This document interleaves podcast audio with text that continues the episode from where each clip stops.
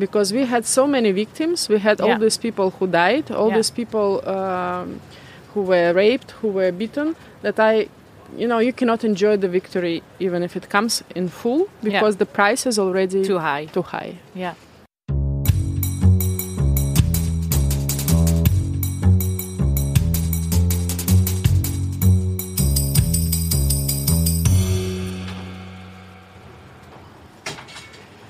Uh, welcome to Prison Conversations About Freedom, a podcast series made by De Balie. These conversations are recorded from inside the installation Silivri, Prison of Thought. This piece of art is standing in the middle of the Leidseplein in the heart of Amsterdam right now, and it's a replica of the cell in which the Turkish journalist Can Dündar was held prison because he dared to report critically about President Erdogan's regime. Uh, people can listen from outside the cell. Uh, my name is Merlijn Geurts, and I will be talking for 45 minutes to Daša Słabčanka. She's a former journalist and activist from Belarus, now living in the Netherlands, and she's a spokesperson oh, for the Belarusian diaspora in the Netherlands. Daša, welcome. Uh, we are sitting in a cell. It's raining very, very hard, uh, and it's also leaking in the cell. So I hope this is going well. Um, yeah, how does it feel for you to sit here? Thank you first for the invitation. Yeah. Uh, for me and for Belarusians, it's super important to have uh, an opportunity to voice uh, what we are going through now. And uh, yeah, it's leaking actually. Yeah, just in front of your face. Yes, in front of my face, and I think it looks uh, like a Belarusian cell even more. Yeah. And um, this is an installation, and Yeah. we can see a beautiful light supply uh, through the windows actually. But I still feel super uncomfortable Yeah. here, and Yeah. it's just not the worst cell, No. and it's just a piece of art. But you already feel very uh, weird. Yeah. I don't know the size. I see it's like three meter, three meter, and it's for one person cell. And uh, Do you think it's big? yes, Yeah. yeah. because uh, unfortunately, um, when I entered th- this cell and when I learned I have to speak in a cell, I started to think about those uh, hundreds of people who Yeah. are now in Belarusian prison in Belarusian prisons. And uh, let's say in a cell of this size uh, can be 20 people Yeah. and uh, they cannot sleep because there is not enough beds. Yeah. Uh, maybe I should start actually with the number of people. who Yeah. Because now I was just thinking about like, is it um, like how many people? Do you know how many people are in prison in Belarus, and what are is the official one and the unofficial one? Maybe. According to human rights defenders, those Yeah. who work with international standards, there are 832 uh, political prisoners. So Yeah. people who meet all the criteria. But there are much more people. Uh, we don't know the exact number because some uh, relatives prefer not to go public. Yeah. But I, I, I saw estimations like more than 1,000. Those are people who are in prison, sentenced to be there for years or waiting for the court, like criminal charges. Uh, however, every uh, month, uh, dozens of people are arrested for administrative charges. So they spend in a, in a prison like uh, two weeks, for example Yeah. but it's still a very big amount of people going through um, through prison Yeah. and uh, it, it, it will turn to be a, huge national trauma for sure Yeah. Yeah. And um, you have been protesting in Belarus a lot. You have been uh, being an activist both in Belarus and now in the Netherlands. Have you ever been afraid to go to prison yourself? uh, when i was activist in belarus from 2006 uh, when we had a very big demonstrations um, uh, uh, outside it was my first uh, demonstration and then um, i was quite active and i had a risk that I can accept, and my risk I have I can accept was like this two weeks in a prison. Yeah. So I, I never expected that something worse may Yeah. happen to me. I knew what uh, were the conditions; they were never nice. No. So um, that I was prepared to this, and every time going to demonstrations, I gave my mama number numbers where she can call human rights defenders. Yeah. I had all the necessary stuff in my bag, so that was accepted risk for myself. And for your family, for example, like you said, like I gave numbers to my mother. Um, like, Was your mother supportive of you going yes. there? Yeah. And uh, she goes sometimes with me. Yeah.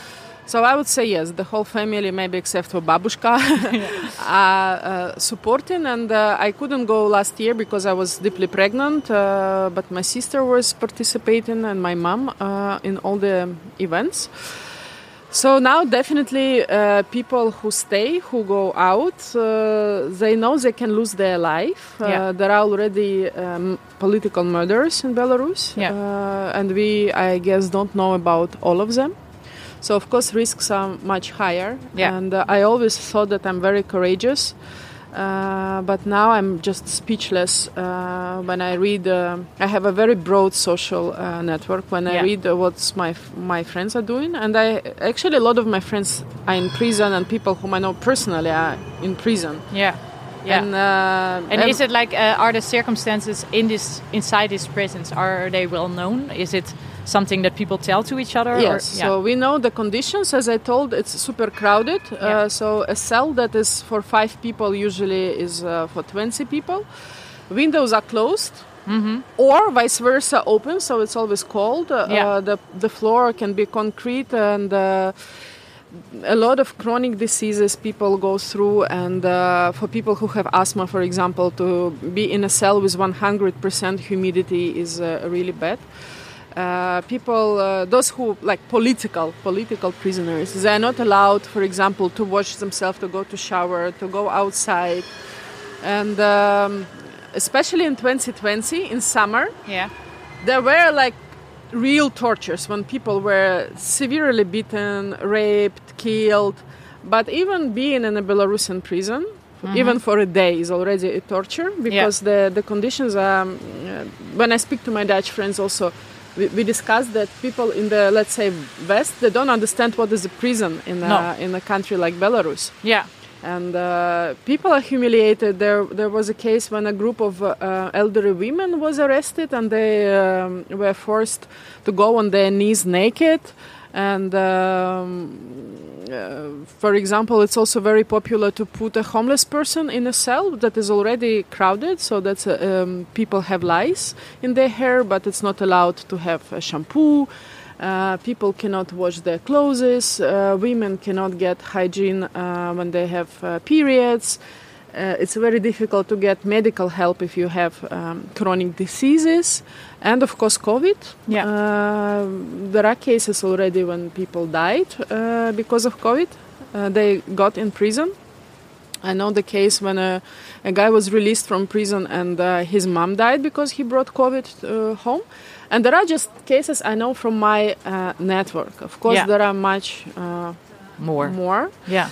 And uh, what makes me speechless and super grateful, um, the people people who uh, stay in Belarus, they totally understand that sooner or later they will be arrested, like Yeah. journalists, human rights defenders, uh, lawyers, uh, and they understand in which conditions they will spend Yeah. And actually still they stay years. there. Yeah. Yes, and they stay there.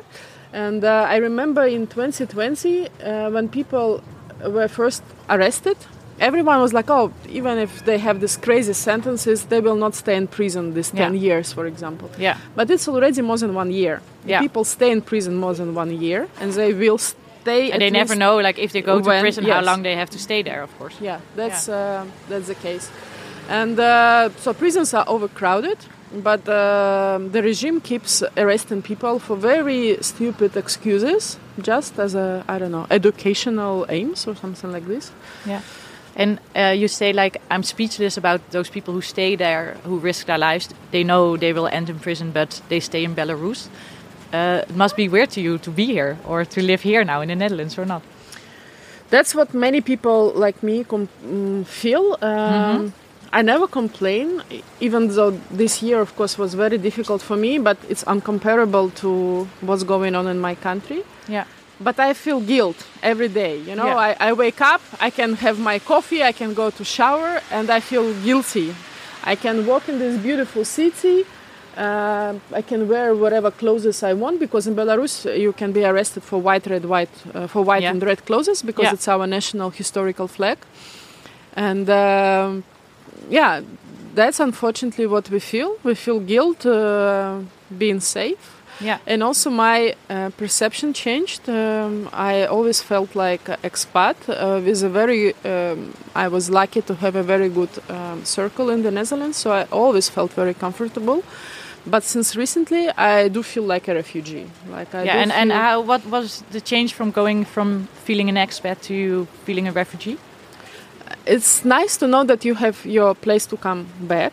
Yeah. Uh, yeah, that gives you a lot of freedom, actually. Yeah. Uh, to speak, to make your choices.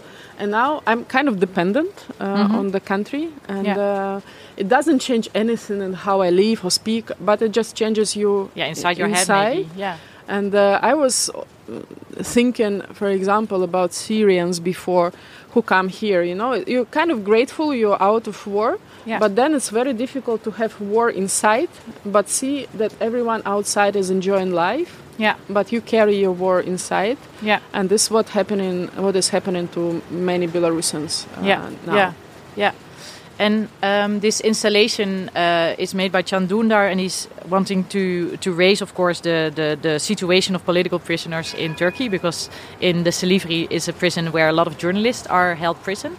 But he also uh, wanted to show like um, that maybe being inside the cell doesn't change your idea of freedom, or that it's still uh, um, possible to think freely, although you are in a cell. So this cell is also um, a way of, of talking about freedom, about the concept of freedom. Um, and I was interested in hearing you about that because you uh, grew up in Belarus, you lived there for a long time. Now you are in the Netherlands. Did that change your idea about what freedom is? Uh, yes, uh, I think uh, in this year, 2006, I came first time um, to the Netherlands as a tourist. I didn't know uh, I will live here. Yeah. And uh, it changed um, my perception of freedom and also perception of the war and um, big um, dramas and uh, catastrophes when Yeah. I was in Anna Frank uh, Museum. I actually realized that um, it was such a big story about only one person, Yeah. but you can feel the whole war uh, Yeah. knowing this story because we grew up with big numbers. Mm-hmm. So um, in Belarus, uh, that's how we estimate that every third person um, was killed in, um, in the Second World War. Yeah. And uh, so we, we always speak about numbers and to be impressed. You know, the bigger the bigger is the numbers, the more you are impressed. But Yeah. that's like kind of empirical uh, view on uh, on everything. so Yeah, you sure, you yeah. count, you don't uh, see Yeah. the personality. And uh, even in our child books, uh, there were some kids in the war stories, but they were always heroes, killing, uh, you know, uh, fascists, uh, Mm-hmm. sacrificing themselves. And I was just uh, going through Anna Frank, uh, very like a personal, everyday uh, story. Like, for example, she ate cabbage and she wanted to poo and she had to be silent. And then, you know, you feel it even stronger when the, Yeah. the numbers. Sorry, I'm a, a little bit no, going no. No, from the path of your uh, question. But uh, what really kills me now, and uh, I feel very bad about, that in in 2020, uh, when people, uh, when we- started to recognize first political prisoners, I knew them by names and I wrote them letters. Even if I don't know the person, I opened their Facebook. I try to see what is this person, what is his per- her personality. And now the number is so huge, Yeah. so it's now a number. Yeah. So I cannot tell who are these 832 Yeah. people and even more. Because it's too much. It's too yes, and then even I'm not able to write uh, all people whom I know personally because there are so many of them, yeah. and that just kills me that we moved to the point when the number is impressively uh, big. Uh, yeah yeah and do you think that the fact that uh, you say like if you if you have big numbers it's really bad but maybe one story or one personal story makes a bigger impact or something like that? Um, do you think that now the amount of numbers is so big and it's too much to tell all these different stories is it also more difficult to raise the issue about the situation in belarus for example here in the netherlands Uh, here in the Netherlands, of course, also uh, journalists and politicians use uh, like stories that are very uh, bright, and uh, I will give you some examples. It just said that you understand that justice will not come to everyone. Actually, Yeah. that's uh, when the number is so big. Same after Soviet repressions. Yeah. Uh, of course, we know uh, the cases. You can make books, you can make movies, but for personalities, Yeah. not every family uh, will find justice. Yeah, actually, sure. so of Yeah. course there will be some reflection later, but for some personalities, the story will not be closed, and trauma will. Um, will continue and uh, talking about freedom perception here in the Netherlands of course it's a huge difference and uh, you can you you enjoy tra- uh, freedoms we cannot enjoy Yeah. uh, it's a freedom to move it's a freedom to speak to demonstrate to laugh and um, but you don't have the choices that we uh, we have so we don't experience these freedoms but uh, choices that people are doing now requires require so much courage and so much free spirit uh, because uh, when I was thinking about freedom freedom your freedom is limited by your environment by your body and by your spirit right Mm-hmm. so maybe we have a limited uh, en- environment uh, but uh, also when I just But you mean maybe that the freedom in spirit is maybe ma- way bigger than people Yeah, here in the Netherlands yeah. because we have so much space to just do whatever we want to do. Yeah, Yeah. exactly. And uh, when I became activist years ago, I thought we are such a minority. You, you were, you're kind of a, a, a privileged intelligentsia class of people who care, and the rest is just ordinary people who don't care. And uh, last year, it was so inspiring uh, to see that actually uh, everyone cares almost. Yeah. And uh, And what what made the change? Because you say like I started being actively involved in the protests in 2006 already. Uh, I think that's quite early, right? For if you compare it to um, like the massive des- Yeah. demonstrations that um, happened last year and the year before. So. Um, for like people who don't know that much about the situation in Belarus, what changed that you think like that so that so massively people uh, joined the protest? Is there something that you, like a moment that you can like uh, uh, point to and say that oh, this triggered the fact that a lot of people from society, maybe not only people who were already really actively involved, uh, joined the demonstrations? Lukashenko was a, a, a such type of dictator uh, whom it was possible to ignore. Yeah. So there, there were always activists. The people were killed already in 90s. But I think for uh, for the mass, it, it looked like if you don't go to that dimension, you can make business, you can uh, have your life. So it was a parallel life. Yeah. And um, when Corona And people didn't know or didn't want to know. Didn't want. So uh, it's. I think it's also from from the history. You have to survive and um, to be uh, low key and uh, just do your job. So what I liked about our country is that despite the dictatorship, Yeah. the society was developing. Despite, Yeah. so people were kind of doing their stuff, not just go to that direction. But uh, when Corona started, uh, Lukashenko made a lot of mistakes, and he uh, targeted different um, uh, parts of society, not only opposition. So everyone felt um offended. Mm-hmm. It didn't happen uh, before. For example, old people. Um, it was his uh, main uh, electorate, but he was treating them so badly. So that was one thing Yeah. he kind of broke his social contract, so-called social contract, and people realized there is no protection. Uh, yeah, people got zero support d- during Corona times. And uh, second, uh, we got a very good alternative. Uh, candidates were very Yeah. strong, and sometimes just time comes. Yeah. And uh, what I felt, uh, I usually have a very good gut feeling, but last year I was sure something gonna happen that we will finally get rid of this guy because sometimes you just feel the, the history is moving so Yeah. that was the feeling that it was so different from all the previous years Yeah. so I was sure um, I don't know the, the fortune will help us so Yeah. I thought okay this now the history But it didn't. yeah it didn't unfortunately Yeah. Uh, but I think we were very close. Yeah. And uh, also important uh, factor is that Russia um, decided to support Lukashenko. Uh, Yeah. That they took his part and uh, it played its role. And if you say like we were very close, um, like you need a lot of like it's you take a lot of risk being there, protesting there, uh, uh, uh, just continue the, the, the, the activism all the time.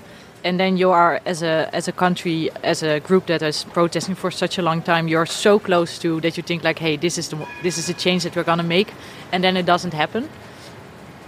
What did that do with all those people who were protesting and risking their lives for so long? very different feelings i think sometimes i also see that i'm maybe more depressed than some people inside and i um, i speak to uh, to many people and it's very different some people are still optimistic and that's why they don't leave the country but mostly people are very tired and very depressed and uh, they pretend they continue their normal life, going to work, going out. But uh, people who um, who are there told me you just feel it's in the air that Yeah. every any moment you can be arrested. Uh, somehow, any I think anyone has in in their circle somebody who is affected. Yeah. So that's um, I don't know, maybe like occupation uh, time. So Yeah. you, it looks still like a normal city life, but um, everything that was created during these uh, years in parallel to the regime now is destroyed. So they destroy NGOs, cultural organizations, educational organizations, any place where free spirit can uh, be raised, they uh, destroy. So nothing left. It's gonna be de- uh, like a desert um, soon. Yeah. And why do you think, like you say, like um, I may be more negative than the people that are still in Belarus? Why do you think so? They support each other also, and it's a big solidarity between Yeah. people. And uh, You feel alone here, maybe sometimes. uh, I'm uh, very happy that these events um, uh, made us really a diaspora. Yeah. So I'm happy there were not just single activists, but Mm-hmm. quite quite a lot of people. So we can meet and talk, but it's a, it's a bit different, and um, so I think they have this um, uh, solidarity. But I saw different estimations. We don't know the exact number. Uh, how many people left the country? Yeah. Uh, the numbers I saw uh, varied from 200,000 up to 400,000. So that's quite a lot for Yeah. a country of 9.5 Yeah. people. And uh, in um, in summer 2020, in autumn, everyone was like, okay, there's going to be such an euphoria when we will win.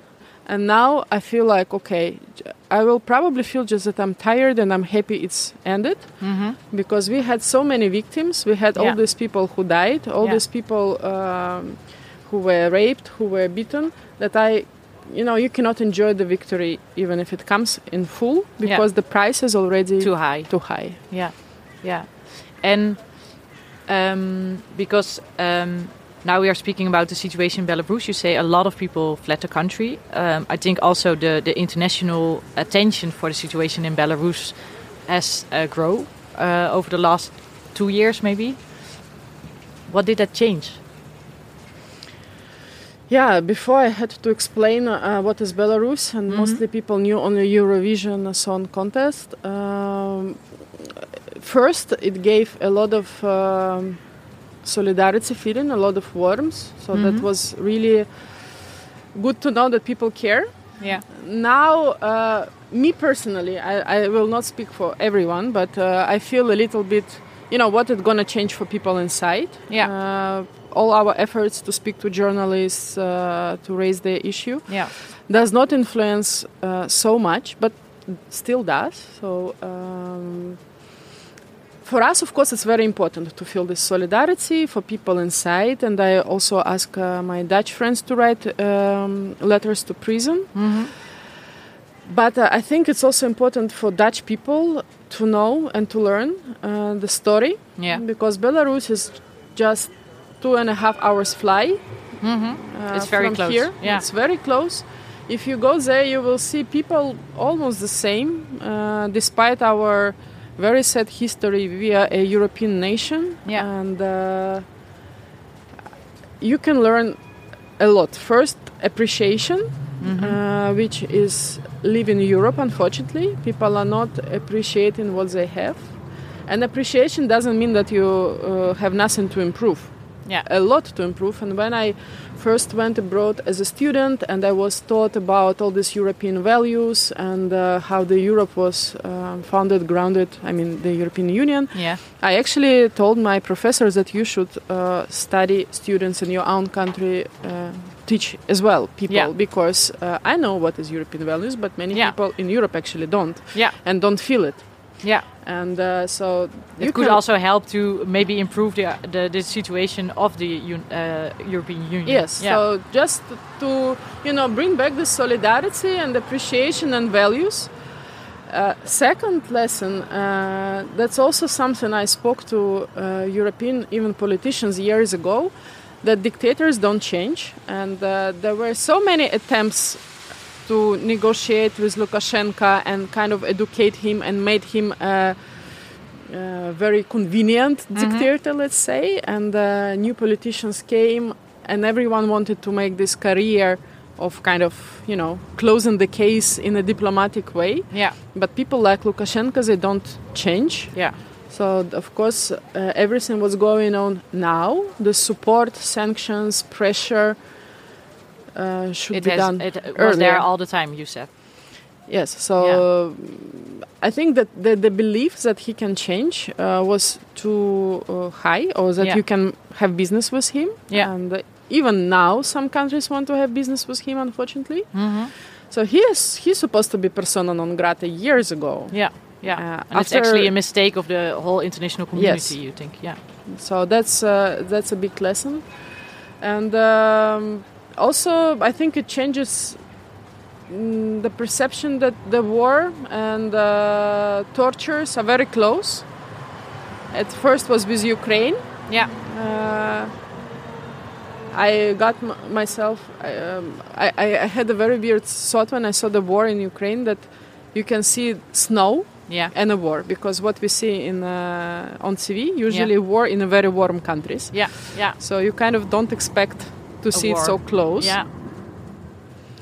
So I, I guess it can help also people here to uh, to think, and we need this now. You Yeah. can see what's going on everywhere. So I really hope that uh, people uh, will learn because countries like Belarus need strong Europe Yeah. also. Yeah, and what like ideally, if you would think about what um, how the European Union or a country as the Netherlands, what um, what do you expect actually from them? Like, what would you like them to do? Um, because you say like, okay, maybe there's new, uh, like there's. Um, I don't know, international attention for Belarus, and maybe people now say it's uh, see Lukashenko really as a dictator instead of a person you can maybe uh, I don't know do do uh, economics with or something like that. Um, but what what if they go a step further? What would you like them to do to help or to to really make a stand? From what I observe and uh, what I like, that in uh, their majority, uh, Belarusians understand that only Belarusians can solve Yeah. the problem, Mm-hmm. and uh, I also believe that Belarusians are able to solve the problem. Yeah. Uh, So but they don't need the international community actually. No, I mean, of course, help is needed, but uh, uh, it's kind of that we don't feel um, that we are like helpless children, you know, Yeah. waiting for help. Yeah. But unfortunately, the regime has a very strong support uh, Mhm. from the neighbor. Uh, but of course, solidarity is very important, and fe- people really wanted uh, that, for example, Lukashenko. People want that he's not called president, for example, Yeah. because he was not elected. It's Mhm. proved. It's for sure.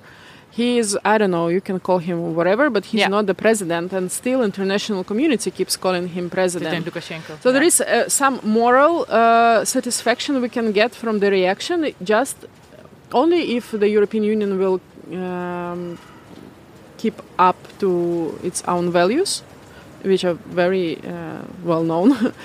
and uh, but we are also grateful for, for this solidarity coming as support to the um, refugees, support to civil society sector that was completely moved not completely moved it's completely almost destroyed but some people are inside but many organizations went abroad and of course uh, the support from um, uh, from the EU and the, the, USA to media to human rights organizations is also very important. Mm-hmm.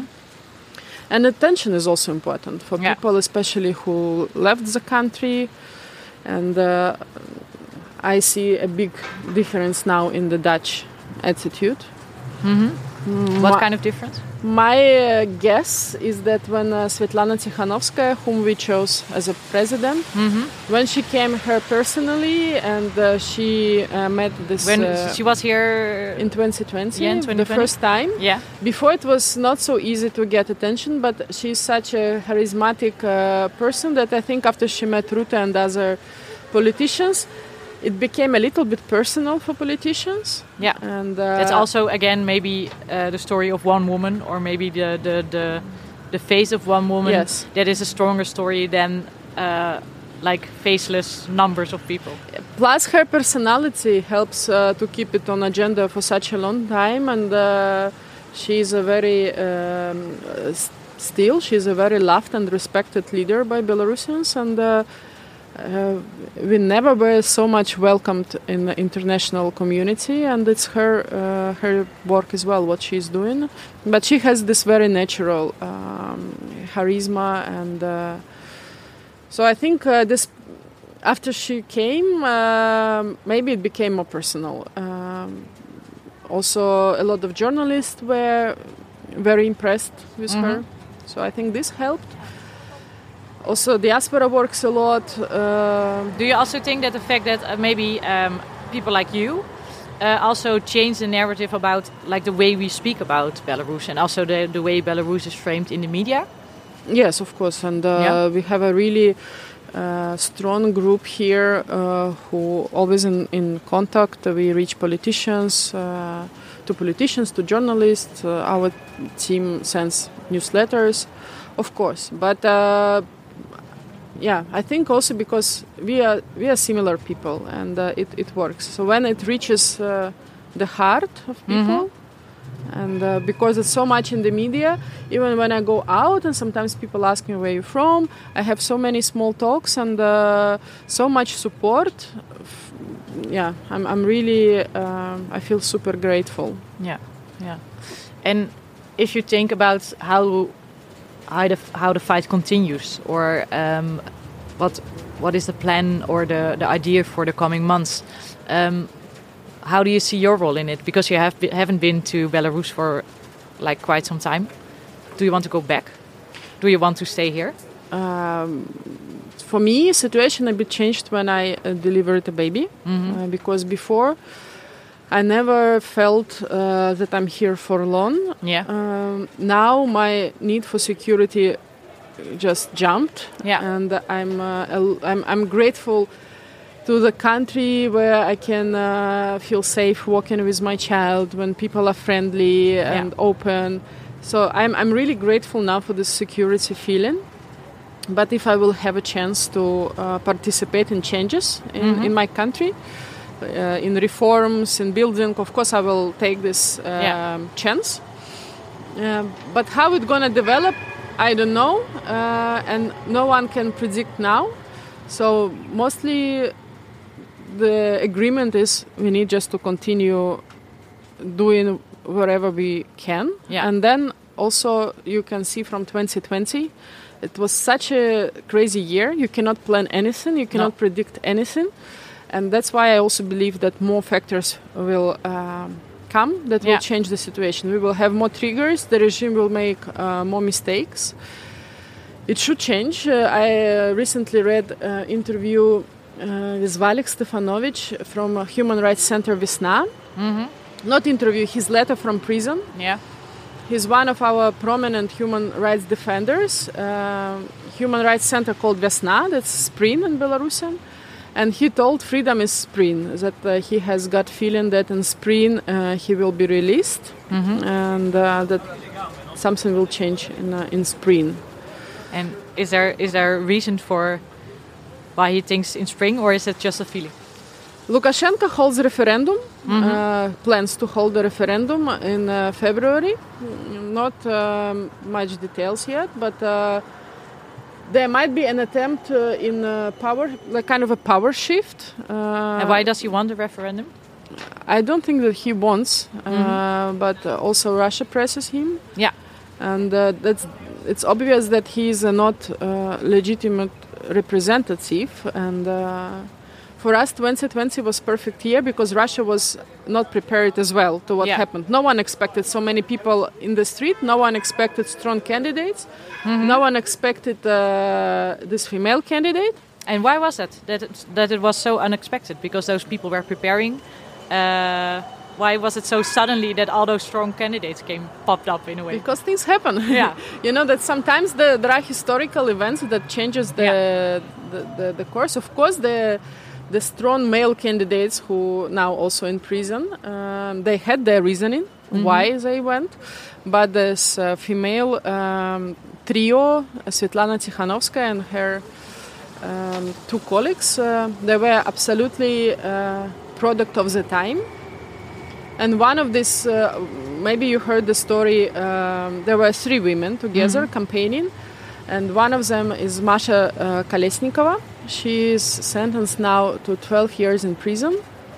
She is a musician, she plays flute. That's now I'm jumping again to the freedom uh, feeling and perception.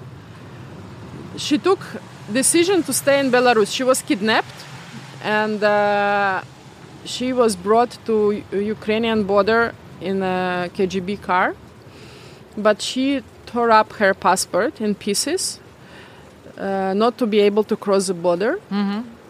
She didn't know if she would be even alive because they threatened her uh, with many bad things. But she decided to be in Belarus, even if even if in prison Yeah. and uh, she cannot play, uh, which for a musician is a torture also. Yeah, sure. Yeah. So she plays in her herd, and um, she loves people, and uh, that's why they almost don't uh, give her letters. People write her in thousands because she's a very loved person by population, but they don't give her uh, letters. And uh, when it, when there was a court, they made it like a closed court, so she Yeah, cannot so see people- yeah. But she was seen in to the guards. She Mm-hmm. was uh, lecturing them about Bach, for example, and uh, she even told that she is more free than uh, her guards. And um, so she stays there already for uh, more than 400 days, more than a year already. And uh, she wears her red lipstick, so that was also kind It's of a small act of resistance. Yes, so a little bit of uh, her style, even in a cell. And um also, again, talking about freedom and how courageous people are, I write letters also to uh, people um, who are in prison, and many of them. Well, because most of them are allowed to have some letters. It's allowed by law, Yeah. uh, but uh, against uh, some people, that's a policy not to give them letters. So I, I don't know. I sent uh, if I send, maybe only I have ten percent replies. So you actually write to n- nowhere. You don't Yeah. know if your letter will ever reach a person, and it's also kind of a torture for people Yeah. and uh, but what is very notable that these people try to support those who are outside and they find these words to comfort you and uh, they worry about relatives more than about themselves. Yeah. so they somehow find a way to survive there. Yeah. but they also have enough uh, love to support those who are outside and not guilt them and uh, you know no one told oh you don't give uh, enough support. So everyone is very thankful. That also very um, heartbreaking i think when you think about this. Yeah, and is it maybe the fact that you're so um, closed off from society and so, I don't know, so bereft of all of your freedom, that you're uh, that you get this super courageous spirit. Do you think that the cell can bring a people or a human mankind to this? Yeah, you kind of uh, uh yeah extremes. So Yeah. if you're extremely, if something is extremely uh, restricted, there Mhm. will be somebody extremely free. So Yeah. that's. Um, or when it's more like a neutral in the middle, so everything will be Yeah. in the middle, less extremes.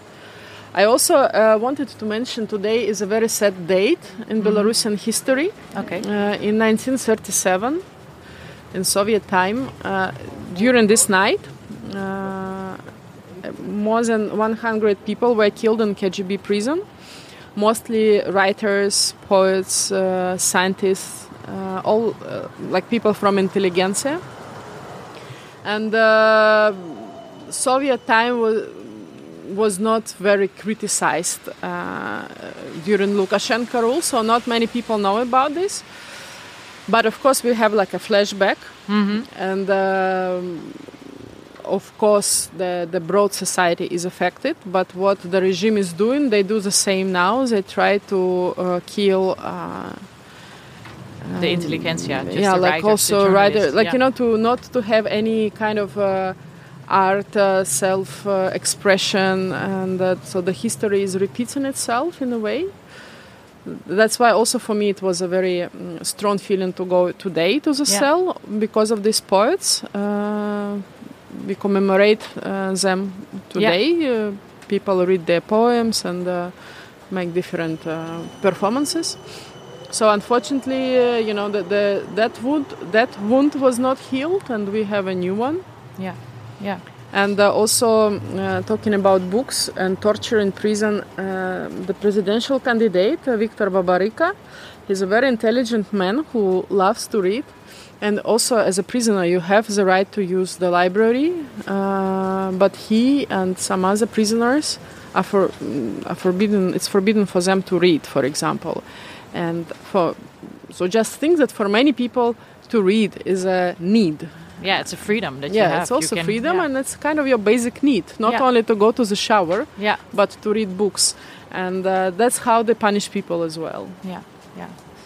I think um, I can t- like talk to you for more and more hours, but I think we have to stop. But it's really good to hear about uh, all the stories and to hear about the the freedom that people still find in prison cells, although it's a super horrifying situation in which they are. Uh, it's good to hear that it's a really um, special day for you to talk about this in the cell. Thank you very much, and uh, Thanks for the I hope to speak to you soon. Thank you. Okay, thank you.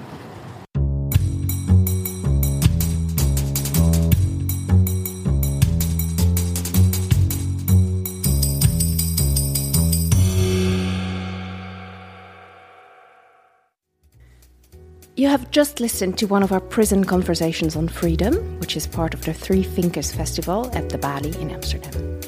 You can watch the rest of our programs with, for example, Can Dündar and Masih Alinejad on YouTube or on our website. Thank you for listening.